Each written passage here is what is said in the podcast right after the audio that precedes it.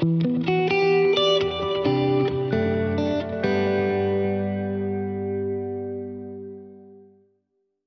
malam teman-teman. Ini udah vakum nggak sampai setahun sih sebenarnya. Jadi kali ini di podcast Kiris with Data bareng aku Faul dan ini ada siapa nih kira-kira nih yang yang mau ngobrol nih. Jadi udah ada teasernya di minggu ini kalau nggak salah di Twitter aku sempat ngomong bakal ngobrol sama BI-nya salah satu education technology kayak gitu. Jadi kenalan dulu dong dengan siapa? Aduh, gimana nih kenalannya, Mas Faul? Duh, kenalan aja silakan. Ini siapa terus ya apa dong? Maksudnya kan aku udah ngomong BI-nya uh, eh, education and technology kan. Ya kenalan aja namanya siapa. Biasalah basa-basi basa-basi kalau kalau ngobrol atau apa gitu loh.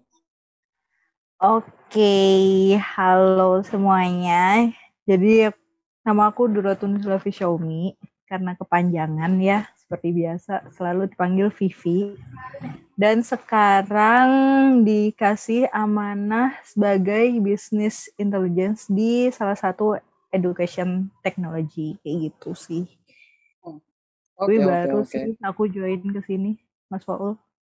Baru baru dari kapan nih Mbak? Maksudnya uh, ceritaan dong story-nya kok bisa tiba-tiba tiba-tiba somewhere hmm. bisa di BI. Kira-kira dulu itu kuliahnya gimana sih? Terus kok bisa sampai ke titik ini tuh gimana? Kan kita pengen tahu tuh.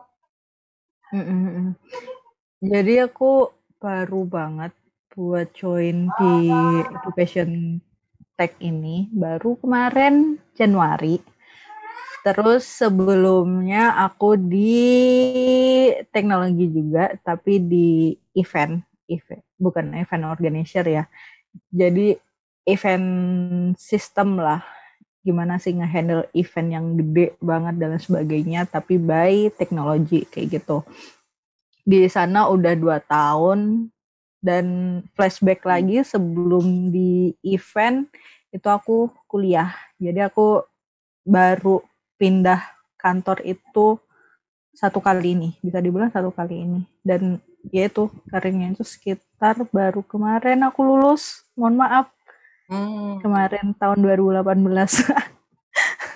Oke, oke, oke. Terus, terus, terus.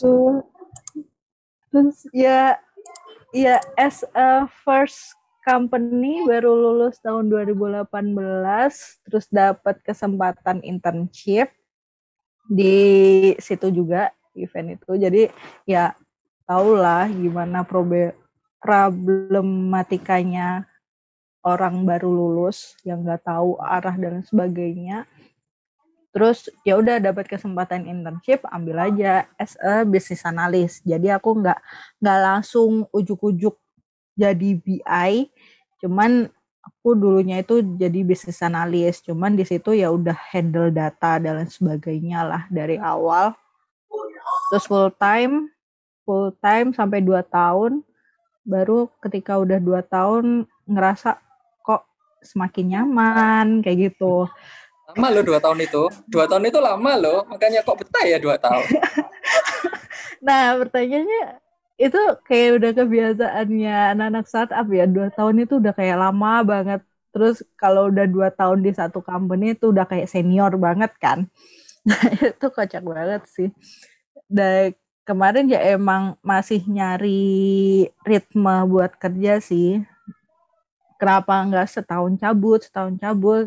Ya itu karena masih nyari aku itu mau ngapain sih di dunia kerja dan yang aku kerjain apa sih? Goalsnya itu pengen ngapain sih? Aslinya apa sih yang aku cari? Kayak gitu. Jadi selama dua tahun di kantor pertama itu aku coba ngulik-ngulik itu. Dan ketika udah nangkep nih kok aku udah terlalu nyaman ya di sini dan udah nggak nggak semangat buat belajar lagi dan sebagainya. Ah, udah ah, coba cari challenge baru, makanya pindah kantor deh. Seperti itu. Hmm.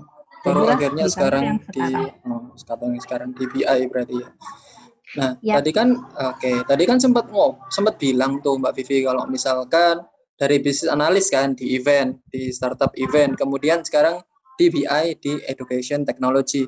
Nah, kira-kira mungkin bisa diceritain nggak sih Mbak Vivi kayak kerjaannya tuh ngapain sih? Kan apalagi kalau secara role beda kan, bisnis analis ke bisnis intelligence di industri yang beda juga tuh. Kira-kira kerjaannya ngapain aja sih?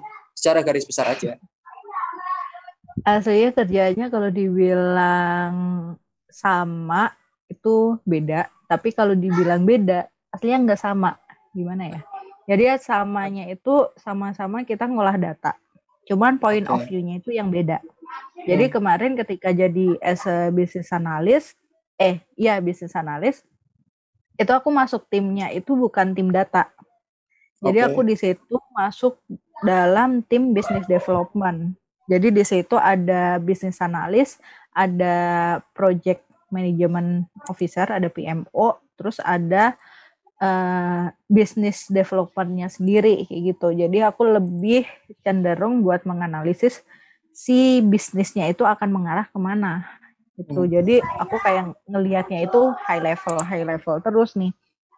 Dan apa insight yang aku dapetin atau yang aku olah itu tuh ya harus mengarah ke tim bisnisnya itu tadi. Jadi langsung ke action item yang tim bisnis akan lakuin kayak gitu. Sedangkan kalau waktu aku di sekarang di BI itu lebih condongnya ke technically-nya. Jadi aku lebih condong ke tim engineering-nya, kerja bareng PM, kerja bareng produk product manager, terus bareng back end, front end kayak gitu-gitu. Jadi ya kayak beda sih. Kalau dulu udah ngelihat high level, terus gimana sih action item ke depan buat tim bisnis, kalau sekarang itu ada sisi engineeringnya buat ngerapiin dan make sure buat datanya itu bagus buat diolah ke depannya kayak gitu.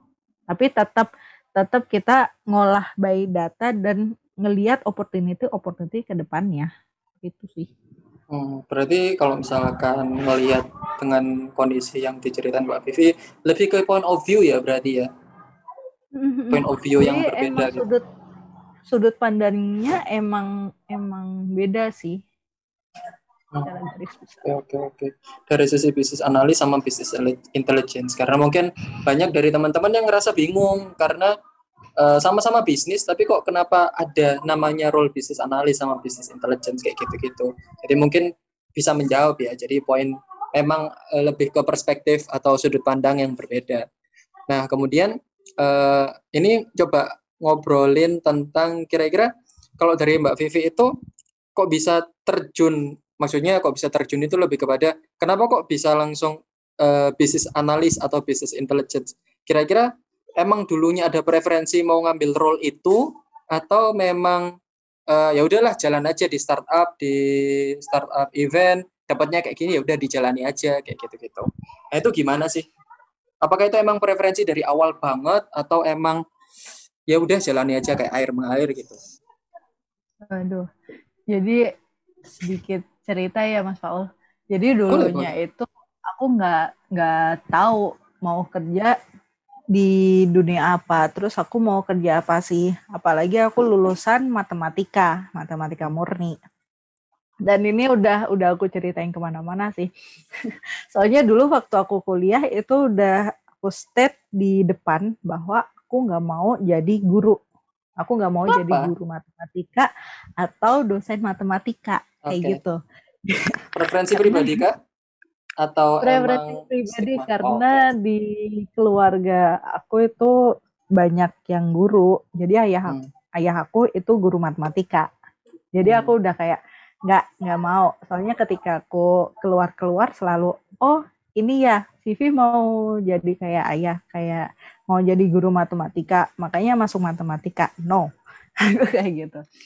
Jadi okay, aku okay. ketika masuk matematika itu udah kayak nge bahwa aku nggak mau kerja di bidang education aslinya. Tapi aku mau mengimplementasikan sisi edukasi di yang lain kayak gitu, bukan buat mengajar. Nah, terus waktu waktu pemilihan jurusan apa ya namanya? Pemilihan apa sih Mas Paul namanya? Apa Yaitu sih kayak pemilihan, pemilihan ini rumpun, rumpun. Nah, rumpun. Bidang lah, bidang. Pemilihan, bidang rumpun buat kuliah itu aku juga nggak tahu jadi di awal itu aslinya aku seneng buat ngoding. Tapi aku nggak terlalu bisa ngoding.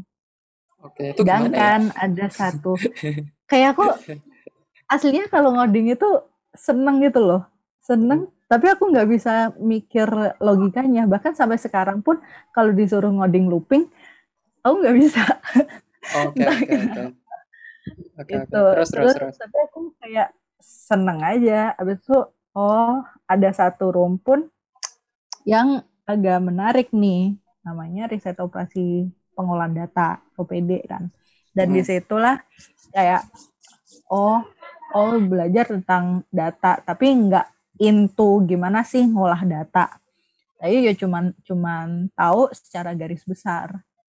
Kemudian di tahun-tahun terakhir ketemulah sama satu senior yang ngajakin buat ayo join komunitas kayak gitu. Dari situlah mulai kebuka oh ternyata ada ya dunia seperti ini kayak gitu. Dunia yang ngolah data apalagi apa sekarang kan semuanya sudah move ke digital kan kayak gitu. Hmm. dan itu ya baru di situ tuh mulai kebuka. Kemudian waktu waktu udah mulai mau lulus itu cari-cari kerjaan ya tau lah fresh graduate kalau nyari kerjaan gimana selalu semuanya di apply. Tapi aku nyari di sisi ada analisisnya. Entah kenapa aku kayak oh kayaknya kalau analisis aku bisa mengimplementasi uh, apa yang aku pelajarin di kuliah terus di dunia kerja kayak gimana sih kayak gitu. Kemudian ya udah deh dapat kesempatan di di startup event sebagai bisnis analis ya udah mengalir sampai situ. Barulah itu kebuka. Oh ternyata ada ya yang namanya startup. Di situ aku baru, tahu, ya berarti? baru tahu iya, term iya. startup ya? Hmm. oke oke. Terus yang lucunya aku dari dulu waktu kuliah itu uh, seneng ikutan event gitu loh. Event seminar seminar dan sebagainya. Terus di situ tuh ada ada satu company yang emang gede banget. Dan itu ya emang masuk di bidang teknologi. Dan aku cuman hmm. mikir kapan ya aku bisa masuk ke situ? Kayaknya susah banget buat masuk ke situ. Terus kalau masuk ke situ kayaknya bakal pressure banget kayak gitu.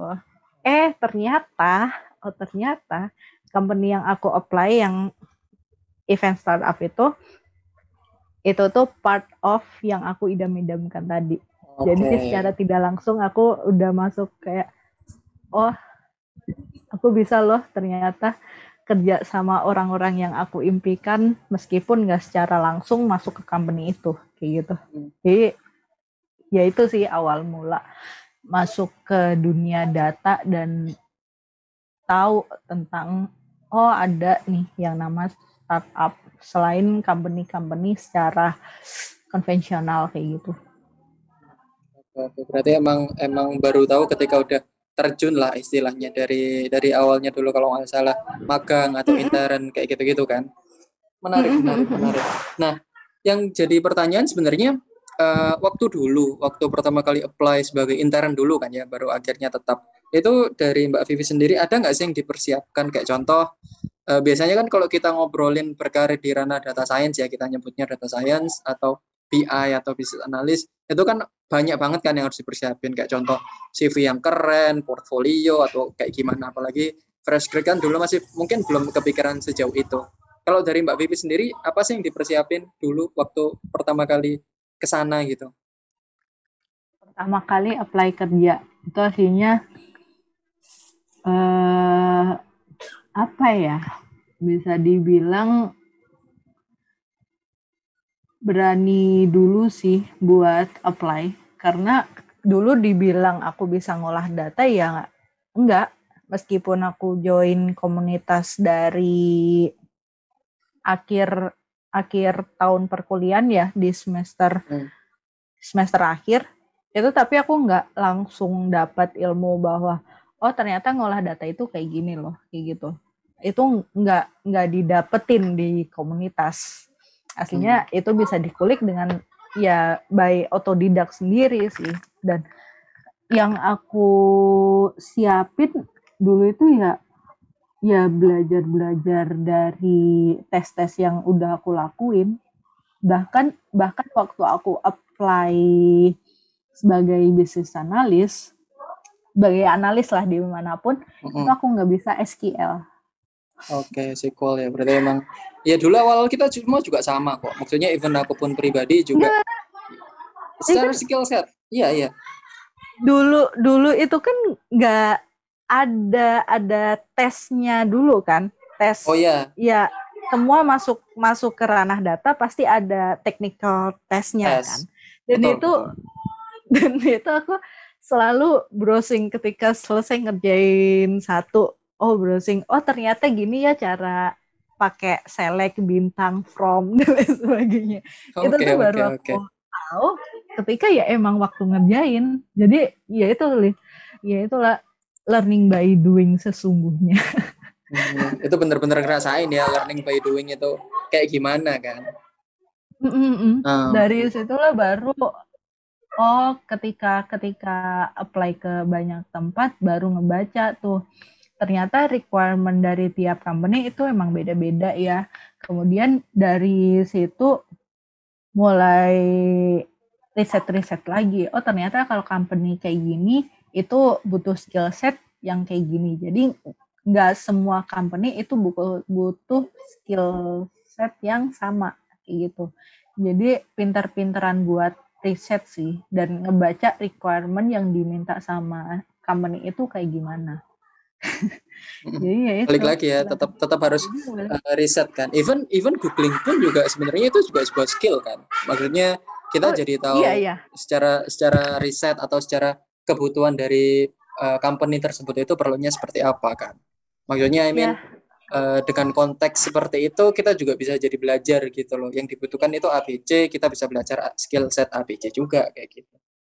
Nah, tadi kan uh, skill googling itu penting banget sih. Penting ya googling. Memang memang googling itu sebuah skill loh, bukan bukan sebuah ah nyontek nih dari Google. Duh, enggak, enggak, memang sudah ada informasi kok di sana kayak gitu. Enggak. Nah, terus uh, ini nih akhirnya pada akhirnya di bisnis analis kemudian ke bisnis intelligence sekarang di edutech. Nah, kira-kira aku mau nanya sih, Mbak Vivi waktu kerja sebagai bisnis analis, bisnis intelligence, yang ku tahu, yang ku tahu kan emang mereka, uh, namanya startup kan fast pace kan, pasti cepet banget kan. Mm -hmm. Nah, Mbak Vivi sendiri itu uh, di bisnis analis sama bisnis intelligence itu ada timnya nggak sih? Terus kira-kira berapa orang dan uh, tipenya Mbak Vivi itu tipe yang one man team kah atau yang kolaboratif sama departemen lain kayak gitu-gitu kerjanya? Nah, ini beda sih antara kantor aku yang pertama sama kantor aku yang kedua, kayak gitu. Jadi di kantor aku yang pertama itu emang gak ada tim. Jadi kita tim data itu sangat-sangat minim. Makanya tadi udah udah aku singgung ya tadi depan. Kalau aku hmm. masuknya ke tim business development kayak gitu. Jadi hmm. buat yang ngolah data itu sendiri kita cuma ada terbatas banget sih. Dan dan buat produknya kan ya tahu sendiri satu startup nggak mungkin cuman punya satu produk. Itu pasti. terus yang di sini yang di kantor kedua itu aku belajar dari pengalaman yang pertama. Karena aku yang di awal itu aku belum dapat feel kerja bareng tim gitu. Meskipun ya oh. ya emang ada tim business development cuman kan uh, feel-nya kan pasti beda kan. Kamu saat kamu dapat satu tim yang sama-sama point of view-nya sama, sama satu tim yang apa ya tujuannya itu beda.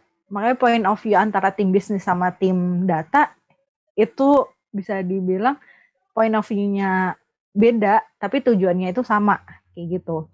Makanya yang di company yang kedua itu aku bener-bener aku garis bawain buat nyari kantor baru itu aku nyari yang ada timnya jadi aku hmm. make sure dulu aku di situ ada manajernya ada headnya terus di situ aku nggak kerja sendirian as a BI kayak gitu ya udah makanya di sini kantor kedua dapat nih tim data jadi di situ bisalah memaki-maki ketika datanya kotor kayak gitu.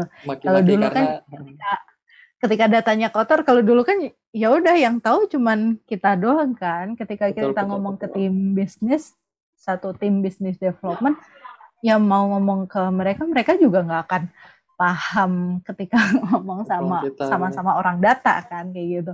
Kalau ini ya, ya? udah kita jadi bisa lah satu frekuensi lah satu satu frekuensi atau misalnya kita bisa budget lah kalau misalkan ada masalah-masalah gitu. Karena ada yep, iya, orang yang yep. ngurus juga Oke oke. Mm-hmm. Nah kemudian berarti kalau kalau yang kita dengar berarti udah cukup pengalaman ya, udah dua tahun lebih di event, kemudian ini meskipun masih baru di edutech itu berarti udah cukup lama loh, sekitar dua tahunan lebih kan jatuhnya. Nah kemudian hmm. yang uh, sekarang kalau misalkan dari Mbak Vivi sendiri dari kerjaan sebagai bisnis analis sama bisnis intelligence itu sendiri kira-kira tools yang digunakan itu apa aja sih biasanya kalau di yang Mbak Vivi rasain gitu? Karena kan kebanyakan orang-orang juga nanyain kan oh kalau data scientist itu pakainya selalu ngoding pakai Python pakai R kayak gitu-gitu. Kalau data analis harus harus fokus ke visualisasi harus bisa SQL harus bisa Tableau Power BI Google Data Studio dan kawan-kawannya. Nah kalau untuk bisnis analis sama bisnis intelligence itu toolsnya pakai apa? Atau emang dibebasin yang penting insight-nya jalan gitu? Itu gimana Nah, ini nih yang perlu digarisbawain. Soalnya banyak banget sekarang yang kena hype tentang data science ya. Terus ya udah kalau aku masuk ke ranah data, aku harus bisa Python nih kayak gitu. Itu udah aduh saya gimana ya cara membukakan mata-mata mereka okay. kayak gitu nah, bahwa dunia data itu nggak limited ke dunia data itu nggak limited ke data science kayak gitu. Ya kalau kamu masuk jadi data scientist ya emang skill pemodelan yang harus jalan apa ya yang harus maju lah kayak gitu. Yang dibutuhin banget itu skill modeling. Tapi kalau kamu di dunia data yang lain data kan ada banyak tuh. Ada data engineer data analis bisnis analis terus kayak aku bisnis intelligence kayak gitu. Terus kayak ada data platform lah sebagainya lah itu tuh ya nggak semuanya harus harus bisa programming sih tapi harus tahu basic-basic sama logiknya itu yang terpenting dan kalau bisa dibilang as a business analyst sama business intelligence itu mostly yang paling penting harus tahu gimana cara ngolah data. Hmm. Baik skill set ya berarti ya. ya baik cuman pakai Excel atau gimana sih cara kita ngambil dari database-nya langsung. Karena ya mau nggak mau kita harus terjun lah ke database-nya sendiri. Apakah kita mapping database-nya kayak gimana, bikin struktur si datanya biar bisa kita olah dan lain sebagainya. Skill itu sih yang terpenting. Kalau kamu terjun di dunia data kayak gitu dan buat toolsnya itu macem-macem banget. Bisa dibilang as a business analyst cuman pakai Excel bisa-bisa aja. Karena dulu aku nganalisis. Nganalisis itu one time analysis gitu, terus ya udah pakai Excel. Ya oh, pakai Excel gitu. Ya. mostly. Hmm. Pakai Excel diolah, di visualisasi visualisasiin di Excel, terus dibikinlah story-nya di PowerPoint kayak gitu. Jadi kemarin yang bisnis analis sering banget yang kayak gitu. Terus tapi kita nggak besar kemungkinan buat ngolah dari database-nya sendiri. Kayak kita nggak ada nggak ada data engineer kan mau nggak mau buat data yang kita olah kita harus bisa ngambilnya gimana sih ngambil data dari database dan sebagainya kayak gitu sih. Kemudian di sini di kantor yang kedua, nah itu banyak banget bikin struktur data, struktur hmm, database, itu. kemudian bikin mapping, bahkan aku bikin hmm. mapping flow journey-nya juga, ah, flow iya, journey iya. produknya kayak gimana, wah itu ya dalam sehari itu banyak banget lah apa yang yang aku pakai tools yang aku pakai bisa macam-macam sesuai sama yang yang dibutuhin. Kalau mapping biasanya pakai draw draw IO kan. Itu. Terus yang ngambil data ya mostly udah semuanya ada di BigQuery. Cuman mau nggak mau kalau belum keputusan ke BigQuery, ngutak-ngutik di MongoDB. Hmm. Saya cuma bisa ngeliat doang sih, karena ETL-nya kan ada timnya sendiri yang bakal ngediain gitu. Nah, terus visualisasinya sendiri ya karena kita ada di Google Environment, ya pakainya Google Data Studio. Tapi kalau kita mau explore pakai Python, itu juga bisa sih. Itu feel free banget buat explore se se apa sih, sekreatif mungkin lah. Terus kalau dulu juga sempat pakai Tableau, pakai Metabase, itu itu hmm. sih. Jadi kalau dibilang tools itu aslinya sangat-sangat tidak terbatas menuju ke satu tools yang harus dipakai sebagai seorang data data entusias ya. Aku hmm. bilangnya data entusias okay, karena ya emang entusias. data itu banyak banget kan. Itu. Betul, betul. Jadi jangan sampai terpaku aja sih. Hmm. Karena emang karena emang banyak banget sih Mbak Vivi atau yang ngomongin kalau misalkan oh perlunya skill set ini ini ini padahal memang uh, sebenarnya dulu pun juga uh, aku pribadi juga mikir harus pakai Python nih. Ya karena memang kebetulan environment di tempatku pribadi as a data scientist tapi sebenarnya ah. kalau misalkan kita tarik lebih jauh lagi, nggak nggak juga kok banyak banget yang tetap pakai Excel dan ya it's working. Karena kan yang paling penting kan insight-nya jalan, bisa analisa. Yang paling penting kan skill set itu kan. Cuman orang-orang masih yeah, banyak yang terpaku.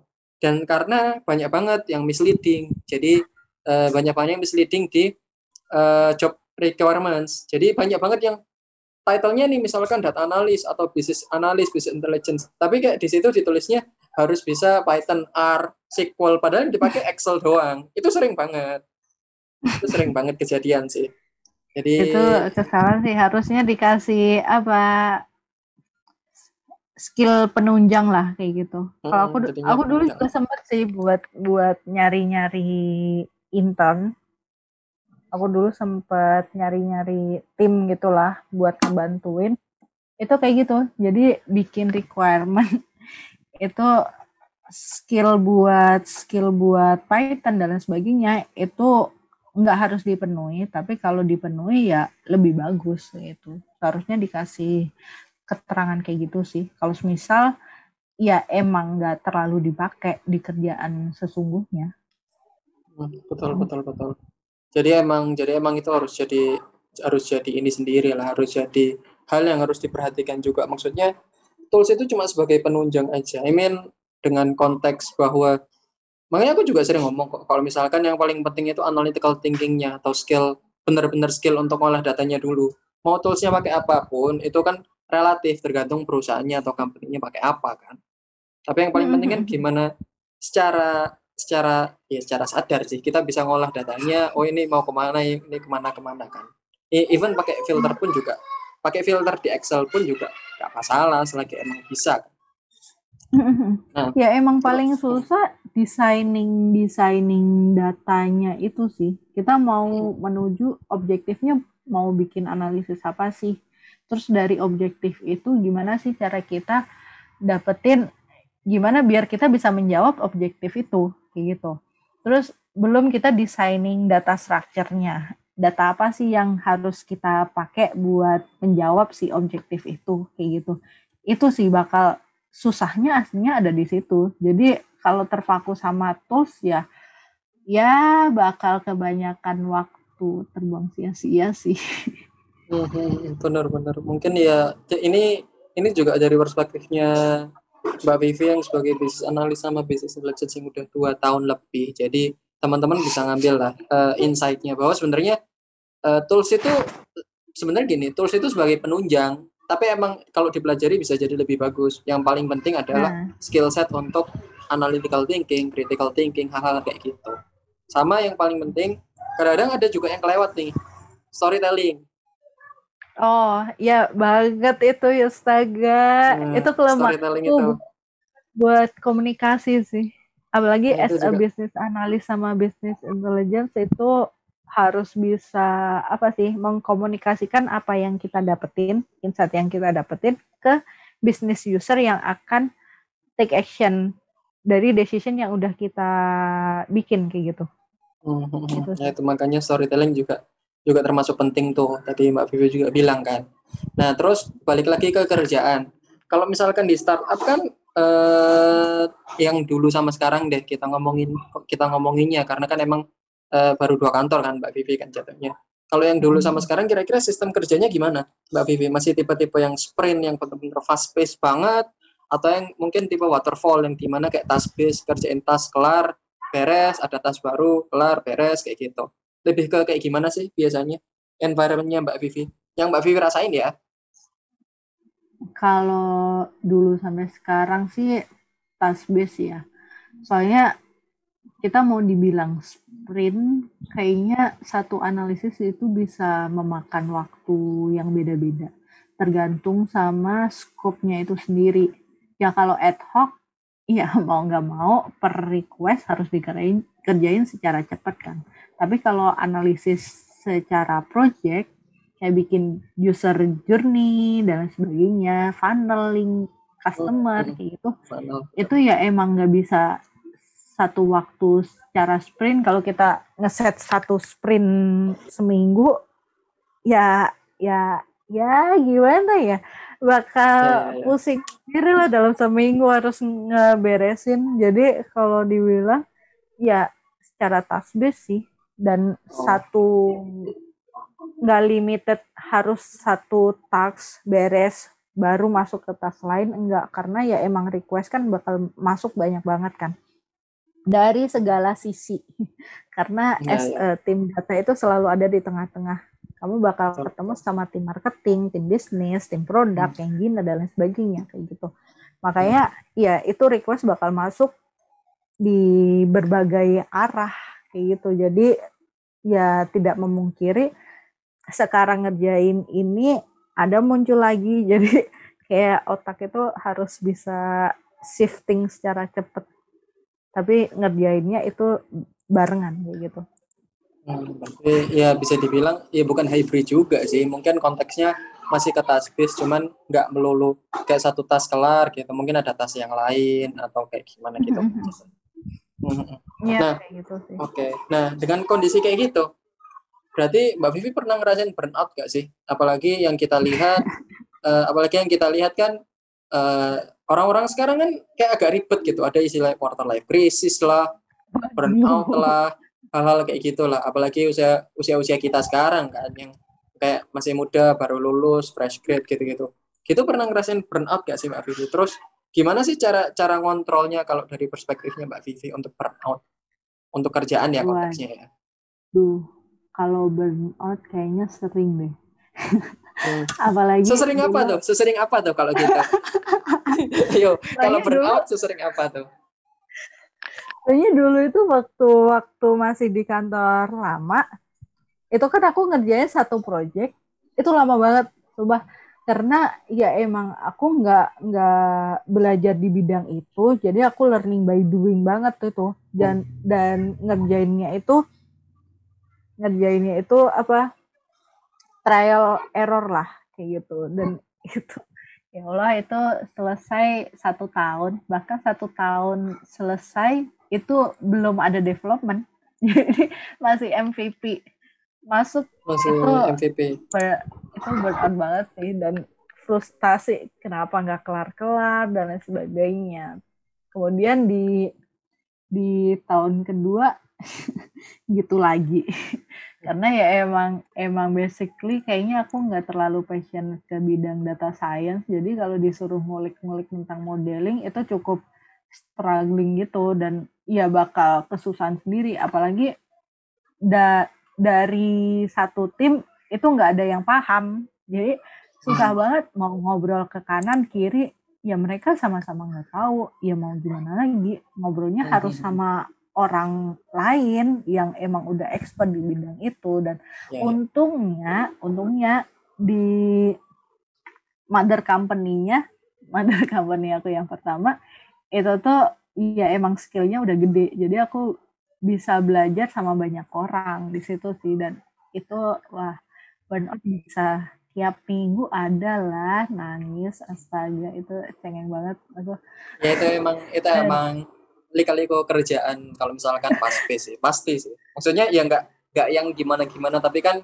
setiap burnout orang kan beda-beda kan. Ada yang kayak gimana mm -hmm. tapi emang pasti capek atau apalagi kayak dikerjaan target atau dikejar waktu kan biasanya kan. Terus sampai yang sekarang pun juga masih wah ya namanya juga orang kerja kan pasti ada naik turunnya dan susah pasti. senengnya ya. Pasti. Burnout itu ya sering banget. Dan kalau misal aku burnout ya sebisa mungkin merilekskan diri sih. Entah itu ya ketika udah jenuh sama satu pekerjaan ya udah keep relax aja dulu entah entah kita apa istirahat lah. Jadi dalam sehari itu aku kayak ngasih space. Kalau misal aku udah stuck di satu waktu jadi aku nggak mungkin buat ngerjainnya lagi kayak gitu. Jadi aku bakal hmm. istirahat entah itu nonton lah, entah itu baca buku dan lain sebagainya. Jadi aku alihkan dulu baru ketika udah udah mulai mulai apa enakan. Kok enakan sih? Ya pokoknya mulai mendingan lah mulai nyaman ya mulai I know, I know. mendingan kayak gitu baru barulah balik lagi. Meskipun ya ketika ketika kita tadi baca buku pastilah ke, masih kepikiran malah, tidur atau malah aja, tambah kepikiran aku, lagi. Nah waktu tidur aja biasanya masih aduh tugas kemarin belum selesai ya gitu-gitu bahkan sabtu malah makin masih, secure ya secure banget tuh malah makin Jadi, secure jadinya ya kalau misal burnout ya pinter-pinter buat mengalihkan diri dulu sih jangan sampai cuman sepaneng bahasa Jawanya sepandang ke satu poin itu. Nah, itu dia. Sepandang okay, ke okay. satu satu kerjaan itu doang. Benar-benar dibuat ya have fun, relax dulu sejenak gitu kali ya. Hmm, hmm, hmm. Oke, oke. Nah, kemudian uh, kira-kira dari pengalamannya Vivi yang udah uh, sebanyak itu nih, dalam artian udah dua tahun lebih, udah udah pindah kantor, udah di dua kantor yang berbeda, dengan lingkungan yang berbeda, industri yang berbeda. Kira-kira ada nggak sih pencapaian yang Mbak Vivi ngerasa, wah dulu nggak nyangka loh bisa sampai ke tahap sekarang, atau bisa ngobrol di depan ratusan orang, ataupun mungkin apa gitu-gitu. Mungkin ada pencapaian nggak sih selama ini, kalau yang dari Vivi ngerasain? Pencapaian, artinya kalau dibilang experienceku lama, masih belum lama lah Mas Paul itu masih dua kantor dan ya masih dua tahun lebih di situ aku ngerasa uh, kalau dibilang pencap pencapaian kayaknya masih belum tapi itu reward buat aku sendiri achievement buat aku sendiri aku pernah satu waktu bisa present apa yang aku kerjain dan yang aku kerjain itu itu belum pernah dikerjain sama siapa pun jadi oh. dalam company company itu itu emang belum pernah ada nih yang bikin satu inisiatif buat bikin project gitu gitu. Dan ketika aku present dan aku presentnya itu di town hall. Oh, aku present okay. di town hall. Keren keren keren. Itu aslinya us dari bos aku sih. Jadi bos aku itu emang ya alhamdulillah dapat bos yang baik dan keep kontak sampai sekarang pun dia tetap nggak push aku tapi kalau kamu mau grow up lebih dan karirmu biar bisa melesat cepat, ya bukan melesat cepat sih, lebih bagus lagi. Itu kamu harus berani buat speak up kayak gitu.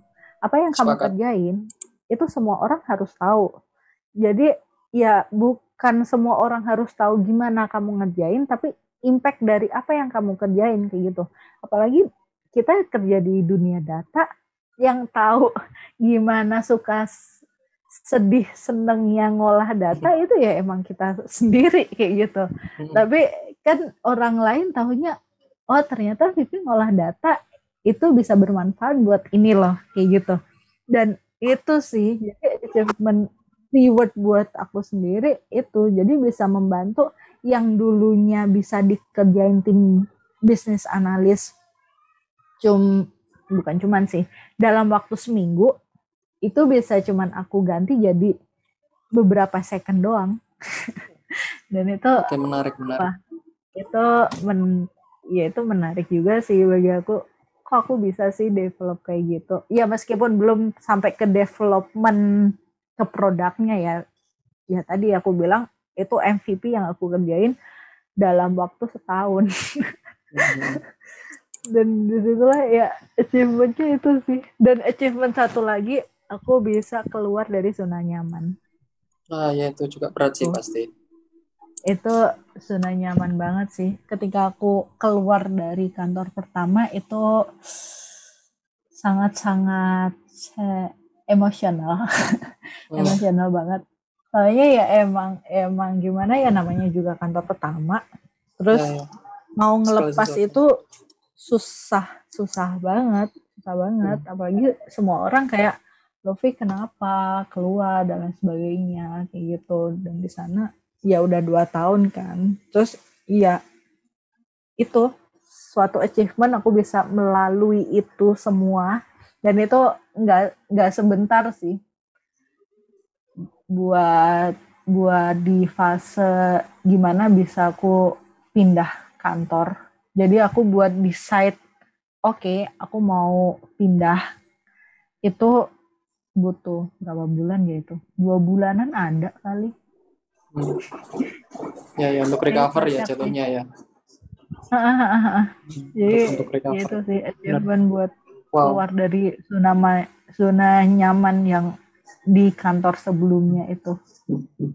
Karena kan emang pasti berat lah, terutama kalau misalkan orang udah nyaman di satu uh, company, terus merasa uh, bahwa apa namanya, oh udah nih, udah udah enak di sini, tapi akhirnya berani untuk ambil untuk keluar di zona nyaman, apalagi balik lagi uh, dunia persaingan kan pasti selalu selalu berkembang terus kan. Apalagi kalau kita nggak keep up to date dengan teknologi yang sekarang seperti apa atau kayak gimana itu bisa jadi bumerang juga kan sebenarnya.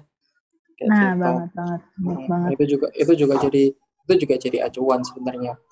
Nah kemudian uh, kira-kira nih uh, dari Mbak Vivi sendiri ada nggak sih yang benar-benar membedakan dari dulu banget ketika benar-benar kerja minim dari minimal ke intern nggak tahu apa-apa misalkan sampai sekarang akhirnya jadi business intelligence di edutech kemudian bisa wah bisa gini bisa gitu kayak gitu gitu kira-kira sejauh apa sih perbedaannya yang Mbak Vivi rasakan?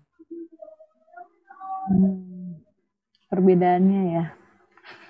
Kalau aku sendiri kayaknya bias ya kalau buat ngomongin. Ya itu, tuh, tapi karena karena dari perspektif kan, maksudnya ini kan dari point of view-nya seorang Vivi, kira-kira bedanya sejauh apa sih kayak gitu.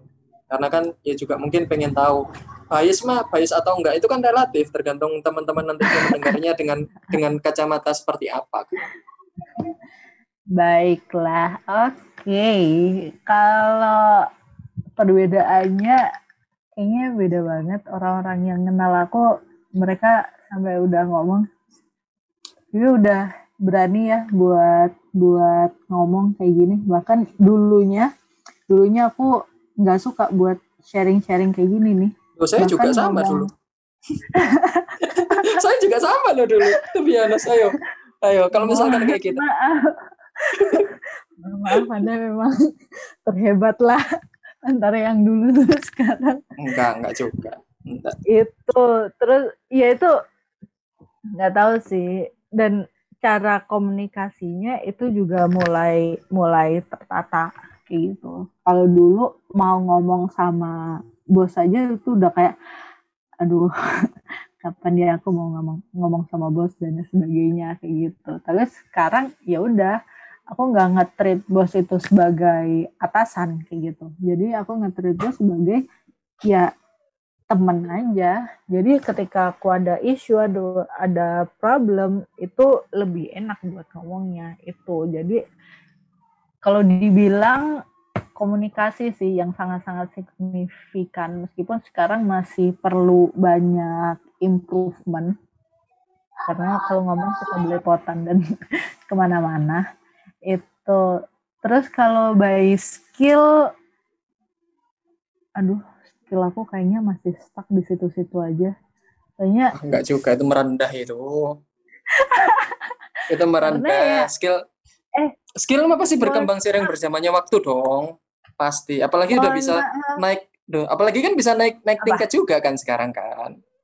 Iya, iya Istilahnya itu kan ya. alhamdulillah lah. Iya, berarti kan secara skill set Alhamdulillah. pesat dong. Tapi ya itu aku ngerasanya skill setnya ya itu-itu aja. Ya nggak sih? Olah Tapi ya nggak tahu kan anda yang Iya. merasakan. Sekarang itu kayak kayak udah mulai ya Allah baru berapa bulan mohon maaf udah mulai jenuh lagi gitu loh.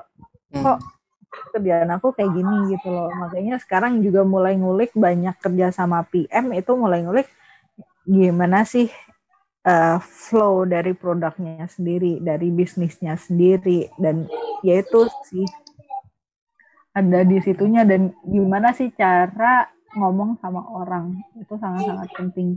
Dulunya ketika aku aku mau ngomong ngepresent sesuatu ya itu deg-degannya setengah mati coba.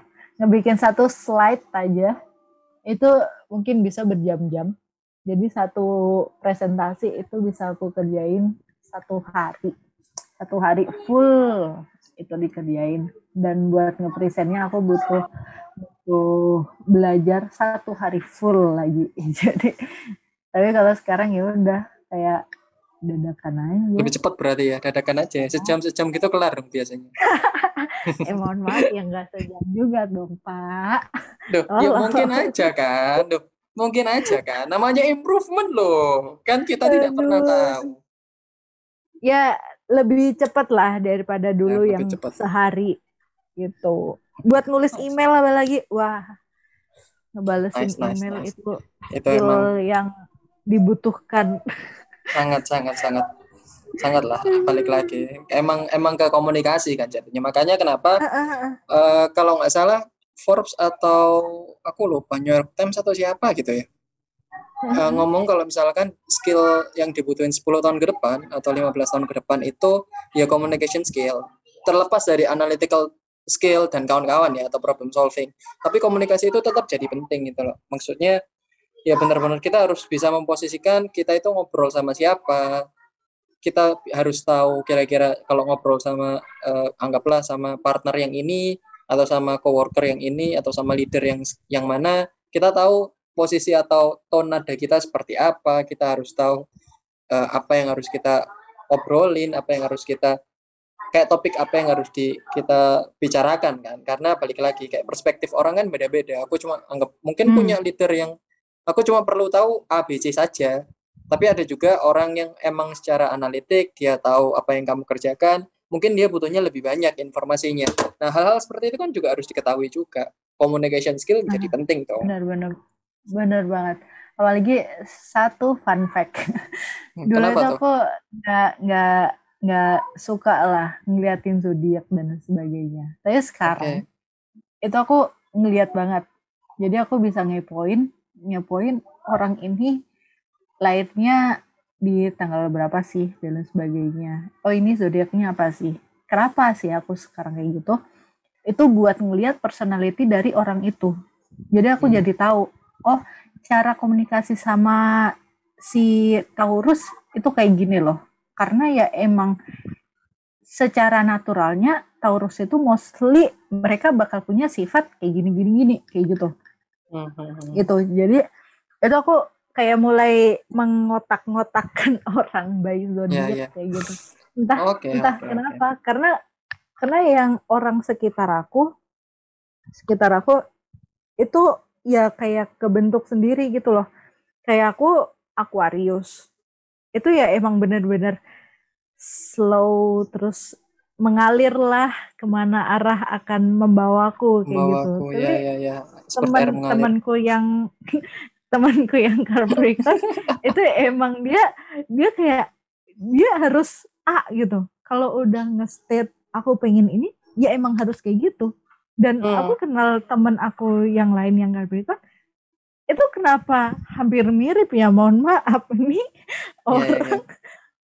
Dan itu Memang jadi aku kena ya. sindromnya sindromnya temen aku sih yang ngenalin ngenalin zodiak ini. Terus ada Hmm. bukunya juga ada bukunya buat cari tahu eh si zodiak tertentu itu punya basic basic kepribadian kayak gimana sih dan gimana sih kita okay. harus dealing with them kayak gitu. Jadi kita tahu memposisikan ketika kamu ngomong sama orang orang Aquarius itu harus kayak gini loh, kayak gitu. Itu ada skillnya sih ya.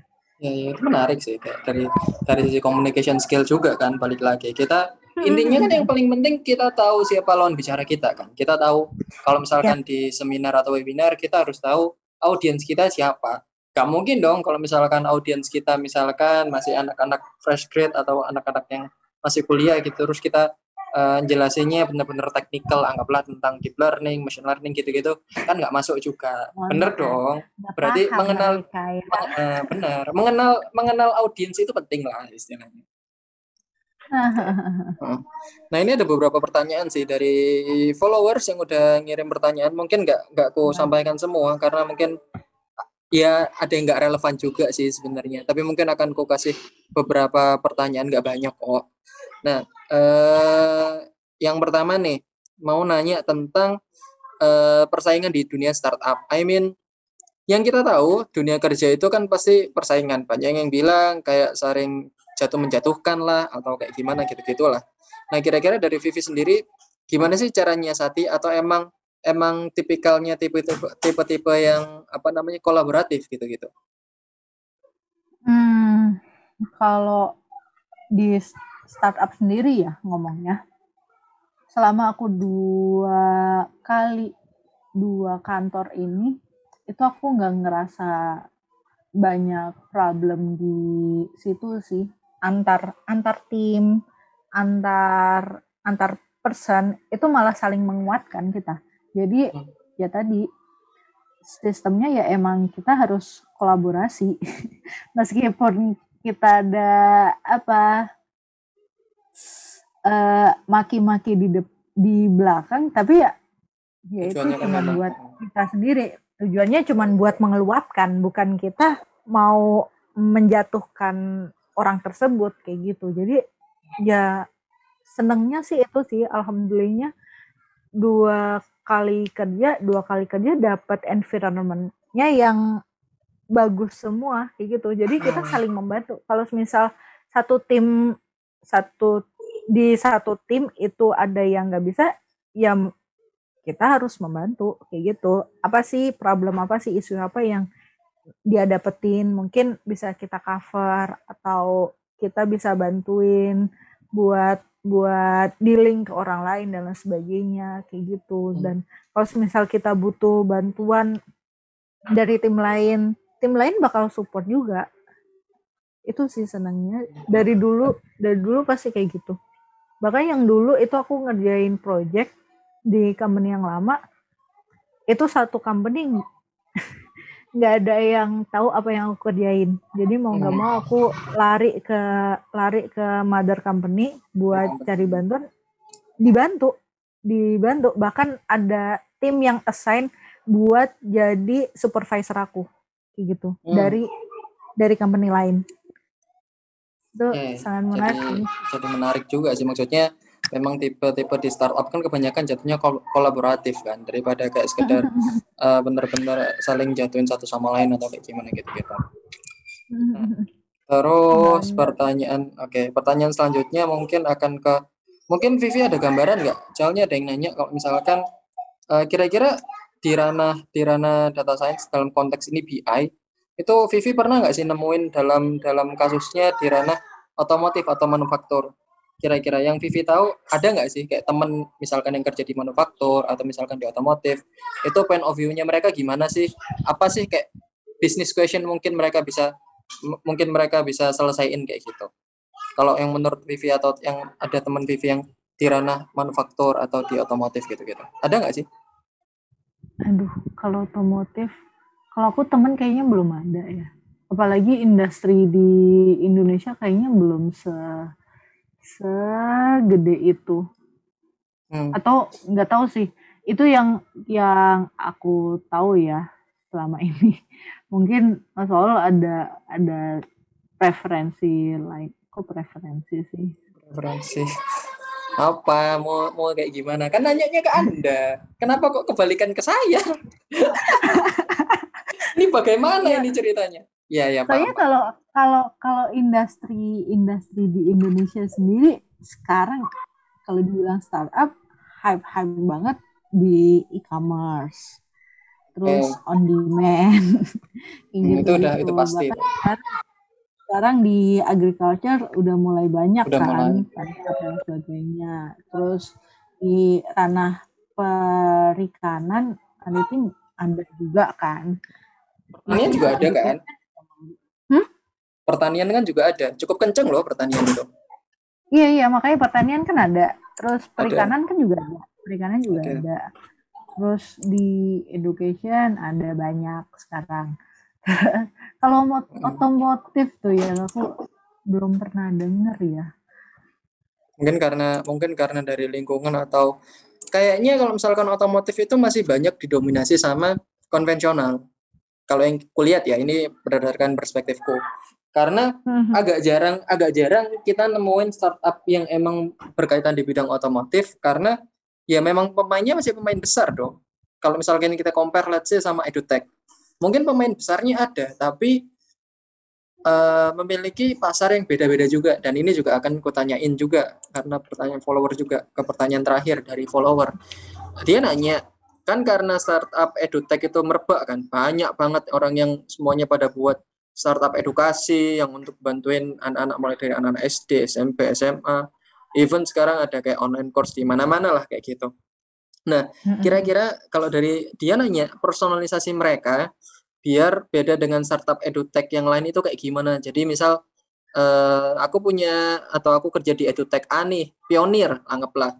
Terus edutech B itu mau buat juga startup edukasi. Nah, gimana sih kira-kira personalisasi mereka biar kayak punya kayak punya karakteristik yang beda-beda gitu loh.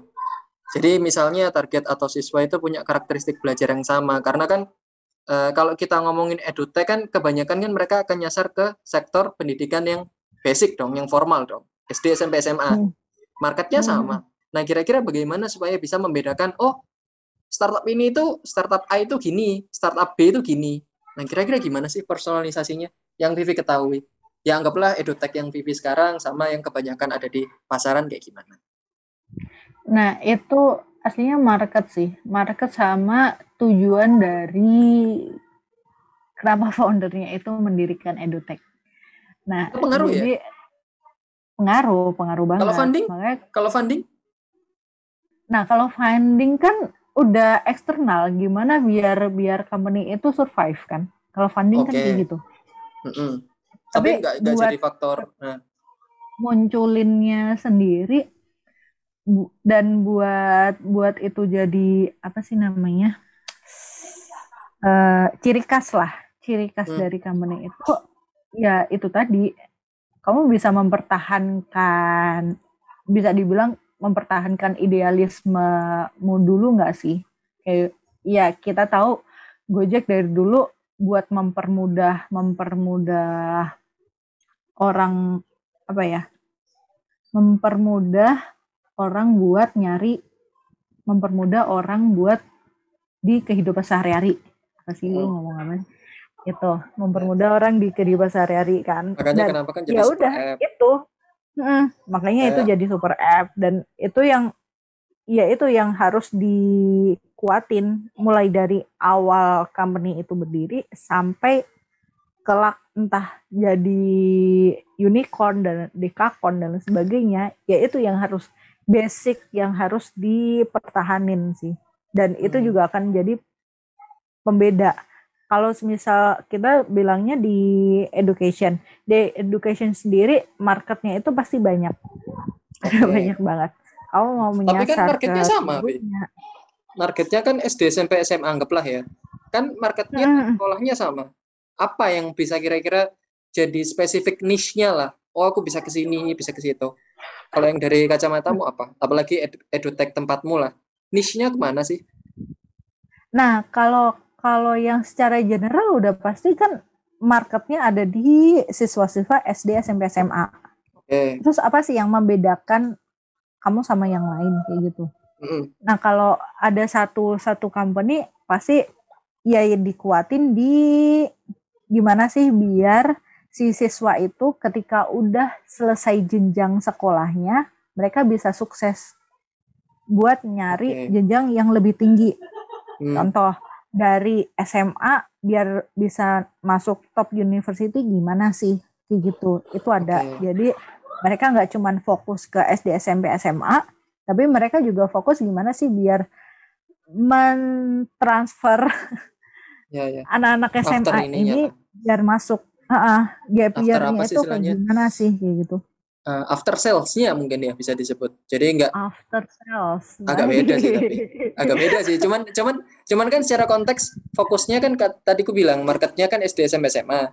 Kan rata-rata kan berkutat di situ kan. Tapi emang ada yang emang fokusnya kayak dalam tanda kutip after sale. Jadi setelah SMA kelar ke top university itu gimana? Mereka mewadahi itu. Makanya aku nyebutnya dalam tanda kutip after sales.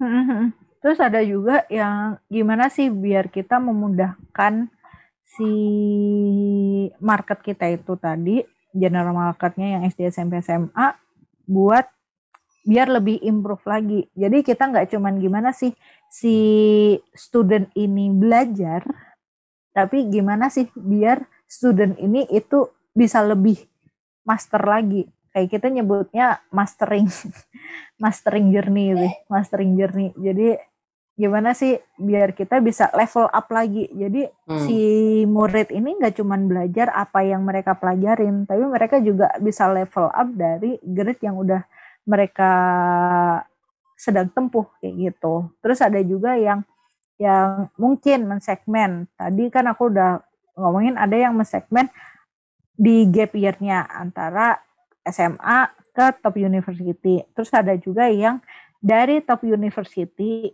bukan top university sih. Ketika mereka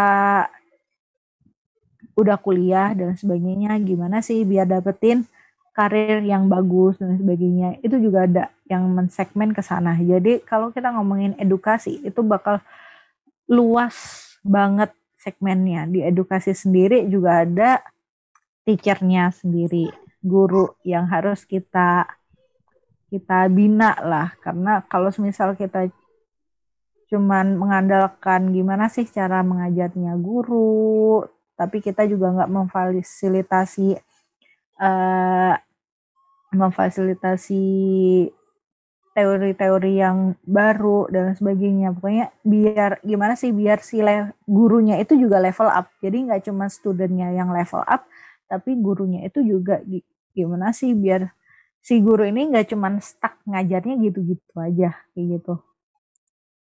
Itu sih. Jadi Banyak ya berarti ya. Maksudnya masih meskipun marketnya mungkin kelihatan SD SMP SMA kayak itu aja mainnya, tapi ternyata Mm-mm. bisa dibuat jadi beberapa sektor niche ya. Kayak ada karakteristik berbeda yang dari setiap eh, edutech yang oh fokusnya ke sini nih ke ke gimana biar bisa convert ke top university, ada yang fokus ke benar-benar fokus ke core-nya yaitu ke eh, gimana mastering mastering materinya, ada yang emang fokus ke Mhm. hal-hal lain kayak gitu. Jadi sebenarnya untuk ranah edutech berarti masih benar-benar luas ya berarti eksplorasinya. masih luas banget. Kita masih ngomongin yang apa usia pelajar ya. Kita ngomongnya usia pelajar. Belum lagi yang usia yang di bawah itu. Kan Hmm. sekarang banyak lah orang yang meniti karir ibu rumah tangga nggak mau cuman pure jadi ibu rumah tangga. Terus anaknya yaudah dimasukin ke kalau dulu playgroup lah, TK Yeah. dan lain sebagainya. Sekarang kan juga harus move ke digital semuanya kan. Gimana sih biar learning buat buat anak-anak itu juga juga menyenangkan gitu. Jadi ya itu satu segmen lain lagi karena behavior cara learningnya anak kan juga bakal berbeda sama yang udah pelajar kayak gitu. udah ngerasain. Benar, benar, benar. Sepakat sih kalau berarti kan emang eh, dari sisi niche udah udah beda-beda, belum lagi nanti kalau marketnya bisa ditambah lagi kan. Dalam artian nggak Mm-mm. hanya megang yang formal doang, tapi mungkin bisa informal, even better. Mungkin kayak dari online course itu kan jadinya juga ya edukasi juga kan jatuhnya meskipun bener non formal jatuhnya. Iya, iya, iya. Karena emang karena emang banyak banget sih kayak eh, kalau yang kita lihat startup yang berbau edukasi itu banyak banget sekarang itu ada yang fokusnya ke formal, ada yang non formal. dan memang mereka punya niche-nya sendiri. Jadi uh, berarti yang tadi yang emang diutamakan adalah dari market sama mereka mau fokus ke mana ya jatuhnya. Itu yang Jadi akhirnya yang bisa mau membedakan. mereka kuatin ada di mana sih? Oke oke oke. Mungkin ini pertanyaan terakhir dari aku sih sebelum nanti uh, tutup juga udah kayaknya udah sejam lebih ini ngobrol.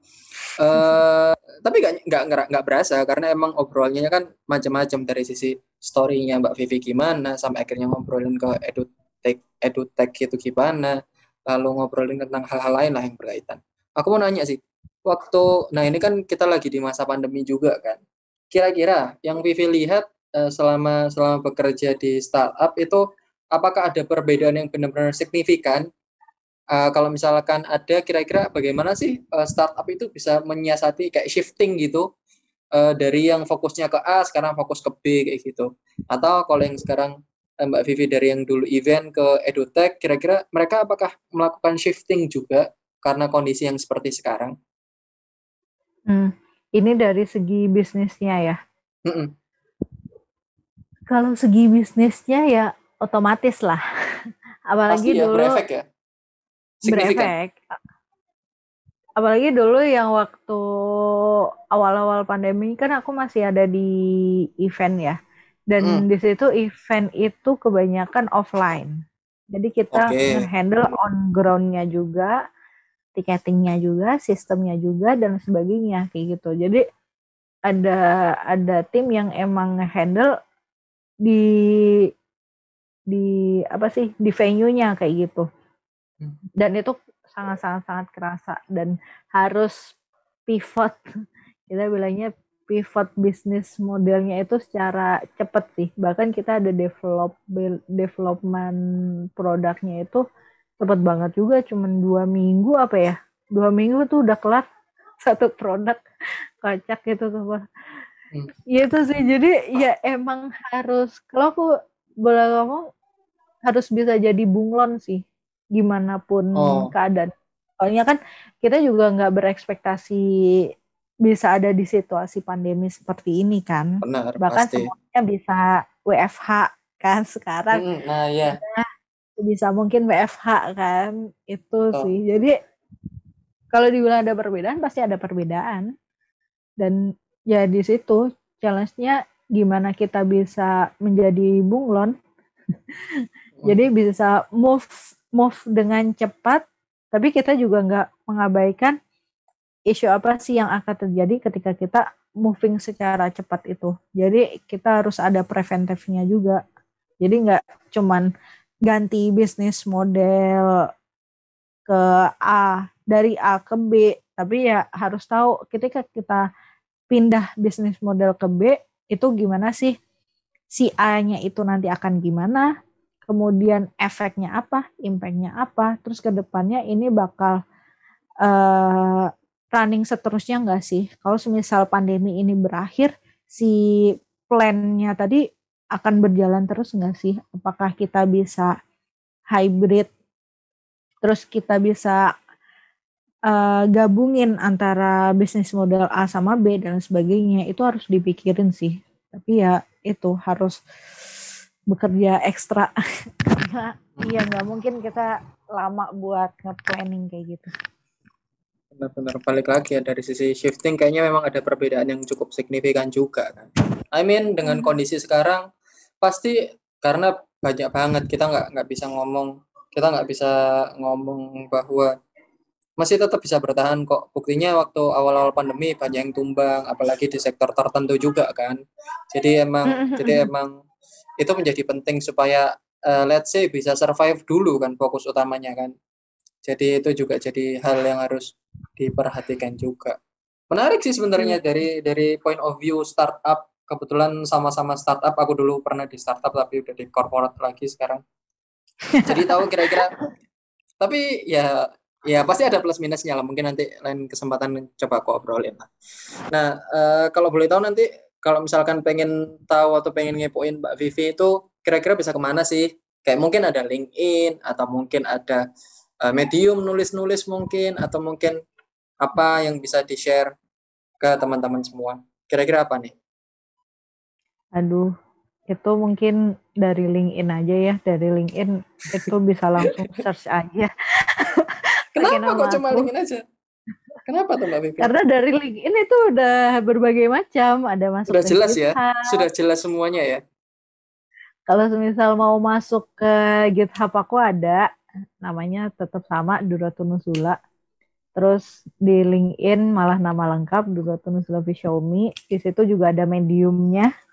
Jadi aku hmm. pernah nulis experience aku sebagai internship gitu. Jadi di situ ya banyak sih yang dipelajarin. Suka duka. Hmm. Suka duka dan kawan-kawan ya. Mungkin ini penutup sih terakhir karena pasti ada yang nanyain kira-kira uh, pesan-pesannya nih buat Mbak Vivi sebagai orang-orang orang yang udah udah berkarir di ranah data. Kira-kira gimana sih buat teman-teman yang mau mempersiapkan ke ranah data untuk bisa minimal bisa masuk dan survive karena mungkin menurutku kalau misalkan untuk masuk ke ranah data bisa sih ada caranya memang. Tapi untuk survive itu kan nggak semua orang bisa dong pasti. Pasti ada orang yang ngerasa gak bertahan pasti ada orang yang ah capek ah balik lagi ah ke anggaplah kayak dari startup ke korporat gitu karena mungkin capek dengan fast pace atau kayak gimana. Nah mungkin ada nggak pesan-pesan buat Mbak Vivi? Kira-kira oh ini persiapin portfolio nih kalau sebelum apply apply atau mungkin apa? Pesan Waduh. buat teman-teman kok udah dijawab semuanya sih Tuh, enggak ya harus dengan perspektifnya Vivi lah Paling yang pesan aku itu sih banyak-banyak learn, relearn, sama unlearn. Oke. Okay. Itu apa tuh, apa dari tuh? founder. Nah, relearn dari learn dulu ya. Dan kita itu harus bisa banyak belajar baik yang belajar yang kita belum pernah tahu dan sebagainya. Jadi kita umpamakan kayak otak kita itu harus kosong semuanya. Jadi meskipun kita kayak udah tahu sedikit, tapi kita anggap sebagai kita nggak tahu apa-apa. Jadi kita harus belajar lagi dan relearn. Relearn itu ya balik lagi, kita harus belajar lagi apa yang kita udah pelajarin. Jangan sampai kita nggak up to date dengan apa yang udah udah terjadi karena kita kerja di bidang teknologi itu banget kita harus belajar secara cepat dan kita harus belajar lagi apa yang sedang happening sekarang kayak gitu. Terus unlearn itu jangan lupa. Ya lupa ya kita harus bisa ketika satu satu pelajaran pelajaran kok satu pelajaran sih? Yaitu apa yang kita pelajari ternyata udah nggak reliable itu ya mau nggak mau harus kita unlearn lagi gitu sih. Dan ya banyak-banyak riset sih. Riset itu kan salah satu bentuk dari belajar. Jangan sampai kita ya udah berpuas diri ketika udah achieve suatu goals terus kita udah aku udah achieve di sini aku udah di fase karir tertentu kayaknya udah udah cukup nih. Ya cukup itu perlu buat buat kita tahu diri lah kayak gitu. Tapi sebisa mungkin ya gimana biar kita bisa lebih grow grow lagi lebih level up lagi dan sebagainya kayak gitu sih. Jadi jangan lupa relearn unlearn and learning lebih banyak. Oke okay, menarik menarik penutup yang bagus sih. Jadi dari learn, relearn, dan unlearn. Jadi supaya kita tetap bisa improving, kita nggak cepat puas, dan tetap tetap bisa selalu uh, apa ya, selalu berkembang terus lah. Karena balik lagi dunia teknologi itu selalu berkembang. Apa yang kita pelajari 15 tahun lalu mungkin akan sangat amat berbeda dengan apa yang terjadi saat ini kan. Jadi uh, ya, kita sering lah uh, mendengar kasus-kasus dulu uh, ada perusahaan gede banget yang sukses terus sekarang nggak bisa survive karena ada satu dan lain hal. Dan itu juga membuktikan bahwa teknologi itu sama seperti yang Mbak Vivi bilang, fast pace, jadi selalu berkembang dengan cepat. Jadi teman-teman harus bisa untuk keep up atau up to date kayak gitu. Penutup yang bagus banget. Thank you banget buat Mbak Vivi atas uh, waktunya udah lama banget sih ini sejam lebih ngobrol Sama-sama. dari sisi startup DKK. Terima kasih banget. Mungkin nanti kapan-kapan aku coba akan uh, ngajak Vivi lagi untuk ngobrol hal lain, terutama di bidang education, education technology. karena balik lagi ya kita ingin tahu mungkin mungkin dari teman-teman ada yang ingin ditanyakan atau mungkin pengen tahu kira-kira perspektif dari orang yang kerja di edutech ketika ada kondisi-kondisi yang ada di pasar sekarang atau kondisi yang ada di market sekarang atau mungkin kondisi yang ada di atau permasalahan yang ada di kita. Kayak misalkan pendidikan seperti ini kemudian guru terus dan kawan-kawannya. Mungkin nanti aku akan coba ngobrol lagi. Aduh, thank you thank you aduh, banget. Makin berat ya kayaknya. Loh nggak apa-apa ini kan biar nambah biar nambah hasanah juga. Biar tahu Waduh. biar tahu. Loh bener dong biar tahu perspektif iya, iya. orang kalau misalkan kerja di ranah edutech seperti apa. Kayak gitu. Oke thank you. Dan mungkin uh, aku tutup sampai sini. It's a wrap up. Thank you so much buat yang udah dengerin. Dan stay curious Bye-bye.